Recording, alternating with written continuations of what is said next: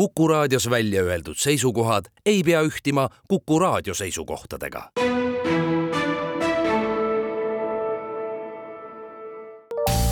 terviseks. saade valmib koostöös Ida-Tallinna Keskhaiglaga. vaata ka itk.ee tere, head Kuku kuulajad, eetris on saade Terviseks ja et äh, täna tähistatakse operatsiooniõdede päeva, siis räägime ka meie operatsiooniõdedest. mina olen Ingela Virkus ja koos minuga on stuudios Ida-Tallinna Keskhaigla kirurgiakliiniku õendusjuht Maarja Raja, tere! tere! Kuidas sina kirurgiakliiniku õendusjuhiks said, et äh, ma eeldan, et mingil hetkel sa olid ka päriselt operatsiooniõde, aga siis sealt see kasvas edasi ja siis nüüd oled sa kirurgiakliiniku õendusjuht ja pigem siis jälgid operatsiooniõdede tööd ja tegemisi? jaa, minu teekond on olnud äh, üpriski seiklusrikas, et äh, tegelikult ma õppisin ämmaemandaks, et erialaselt ma olen ämmaemand ja kui ma koolis käisin, siis ma otsisin endale tööd tervishoiu valdkonnas, et äh, saada nii-öelda jalg ukse vahele ja ainsad tööpakkumised, mis toona olid, olid äh, õenduse suunitlusega ja ma mõtlesin alati, et kui must ämmaemandat ei saa, siis on kaks varianti, et must saab kas operatsiooniõde või anesteesiaõde. et noh, opituppa ma pean igal juhul jõudma ja siis ma kandideerisingi operatsioonikeskusesse tegelikult algselt abiliseks, kes on siis nii-öelda koristaja ja hooldaja rollis, et ta nii-öelda abistab siis seda opimeeskonna brigaadi, on üks suur osa sellest.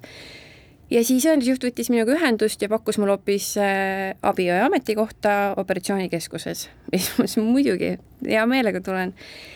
ja siis ma hakkasingi juba kooli ajal töötama operatsiooniõena, et äh, õpe oli hästi pikk sealt edasi pärast kooli lõppu ma asusin tööle ämmaemandana ja paralleelselt äh, aastaid peaaegu kolm ma töötasin siis osakoormusega operatsiooniõena ja osakoormusena sünnitustoe ämmaemandana, et noh, see oli nii huvitav töö, et mul oli kahju sellest loobuda ja kuidagi aastaid hiljem ma ikkagi ringiga jõudsin siis ämmaemandusest tagasi kirurgikliinikusse, algselt olles siis üldkirurgias äh, nii-öelda osakonna õendusjuht ja tänaseks päevaks siis tõesti kliiniku õendusjuht see kõik oli nii põnev praegu ja täiesti nagu seinast seina, et sa mainisid siis äh, ämmaemandaks olemist, siis äh, mainisid anesteesiaõde, äh, operatsiooniõde, et need olid need kaks suunda, mida sa mõtlesid, et tahaksid kindlasti teha. just, aga valik... anesteesiani ma ei ole veel jõudnud. aga kuidas, kui palju, tegelikult see valdkond on ju selles mõttes nii lai, et kuidas see õpe käib, et kas koolis õpetataksegi mingeid selliseid üldõeks olemise põhimõtteid ja tõdesid ja siis täpsem selline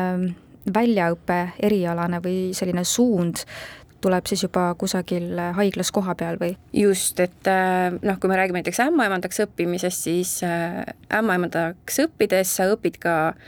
õendust, et sa saadki kaks diplomit, kui sa kooli lõpetad ja see õenduse diplom ongi selline kõikehõlmav, et see õpe kestab kolm pool aastat, sa saad nii-öelda baasteadmised kõigest ja tulevikus siis tööle asudes või tööle kandideerides selle spetsiifika sa õpid tavaliselt töökeskkonnas.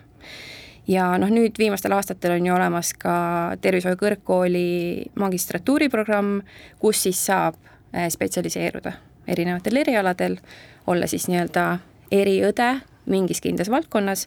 magistrikraadiga, aga jah, nii-öelda baasõpe on ikkagi hästi üldine. kui palju need eh, erinevad eh, õeks olemise rollid teineteisest eh, erinevad, oskad sa öelda? ma ütleks, et äh, mina näiteks olen väga õnnelik, et ma olen noh, lisaks sellele, mis ma enne ette lugesin, ma olen töötanud ka osakoormusega teistes äh, asutustes, noh, tervishoiuasutustes ja iga erinev äh, nii-öelda õenduskogemus on mind väga palju muutnud ja lihvinud, et ikkagi iga eriala on oma spetsiifikaga, ta on tavaliselt väga huvitav ja ta on ikkagi hariv. et ma arvan, tervishoid selles suhtes on väga tänuväärne sektor, et õppimine ei lõpe mitte kunagi. kui äh, sa hakkasid siis tööd otsima, kas, no kogu aeg räägitakse ju praegu sellest, et õdesid napib ja neid ei ole piisavalt, et kas on mingid valdkonnad või kui sina näiteks hakkasid tööd otsima, et kas paistis kuidagi eriliselt silma, et et äh, on mingid valdkonnad või suunad, kuhu oleks õdesid kohe eriti vaja, et need on natukene võib-olla sellised äh, raskemad või? ekstreemsemad nii-öelda, aga võib-olla mõnele just muidugi meeldivad sellised väljakutsed. absoluutselt. ja minu arvates õenduse võlu äh, ongi see, et need erialad on nii seinast seina, et äh, sulle kas meeldib olla rahumeelne näiteks ambulatoorne õde, kes nõustab patsiente, tegeleb dokumentatsiooni, uuringute, vastuste nõustamisega, ja siis see teine äärmuse lõpp ongi kuskil seal intensiivravi, anesteesia, operatsiooniõendus. Ja sinna vahele jääb terve suur nagu spekter. et äh, mina alustasin oma tööotsinguid üle kümne aasta tagasi, siis oli pigem raske tööle saada, tänasel päeval tõesti praktiliselt iga eriala otsib endale meeskonnaliikmeid juurde. Ja ma arvan, et mitte alati ka sellepärast, et äh, tööjõupuudus oleks nii suur, vaid ka sellepärast, et erialad üha rohkem kasvavad, et meil tekivad neid nii-öelda eh, spetsiifilisemaid alaharusid ja me ikkagi ehitame rohkem oma tervishoiusüsteemi praegu selle peale ülesse, et me ju teame, et õdesid ei ole, aga ei ole ju ka tegelikult arste ja hooldajaid ja noh, kõiki tervishoiutöötajaid tegelikult on puudu, et me peame siis oma ressursid üle vaatama ja nagu ümber mängima, et me oma vähemalt kliinikus praegu väga üritame rakendada kõiki õdesid ikkagi oma nagu teadmiste äh,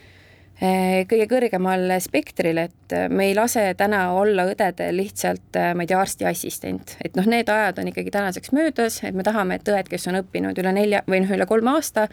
ja kes on veel käinud lisaks paar aastat magistratuuris, et nad saaksid kõiki oma oskusi ja teadmisi rakendada. et ma arvan, et ka seetõttu otsitakse praktiliselt igale erialale praegu õdesid, et kõik tahavad rakendust ja et õdede roll üleüldse on kuidagi nagu selles mõttes kasvanud, et tehakse ju ka eraldi visiite ja absoluutselt, jaa.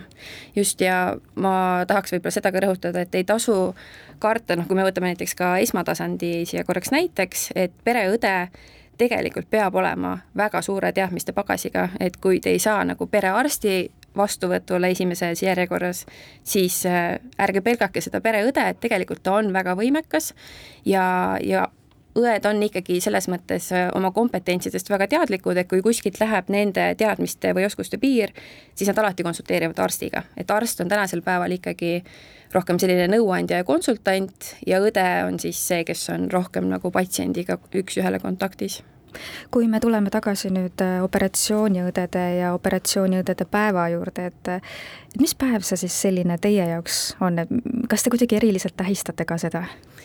Äh, kuna mina oma praeguses ametis äh, ei ole väga pikalt olnud, siis eelmine aasta ma ei saanud äh, kaasa rääkida, kuidas peaks tähistama operatsioonijädede päeva, aga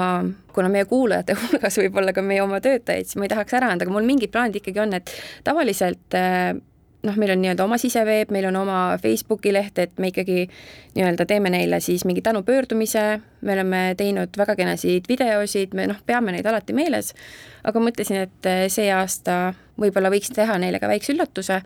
aga noh, laias laastus me õdesid äh, tähistame tervikuna iga aasta õdedepäeval, et siis tõesti meie organisatsioon on võtnud südameasjaks, et teha selline korralik õdedepäeva üritus ja siis sinna ongi kõikide erinevate erialade õed oodatud, et tegelikult ju nii-öelda igal erialal on oma mingi tähtpäev, et siis see nii-öelda üks suur õdedepäev ühendab need kõik omavahel. me jätkame oma vestlust juba homme kell neliteist nelikümmend viis. terviseks saade valmib koostöös Ida-Tallinna Keskhaiglaga. Vaata ka itk.ee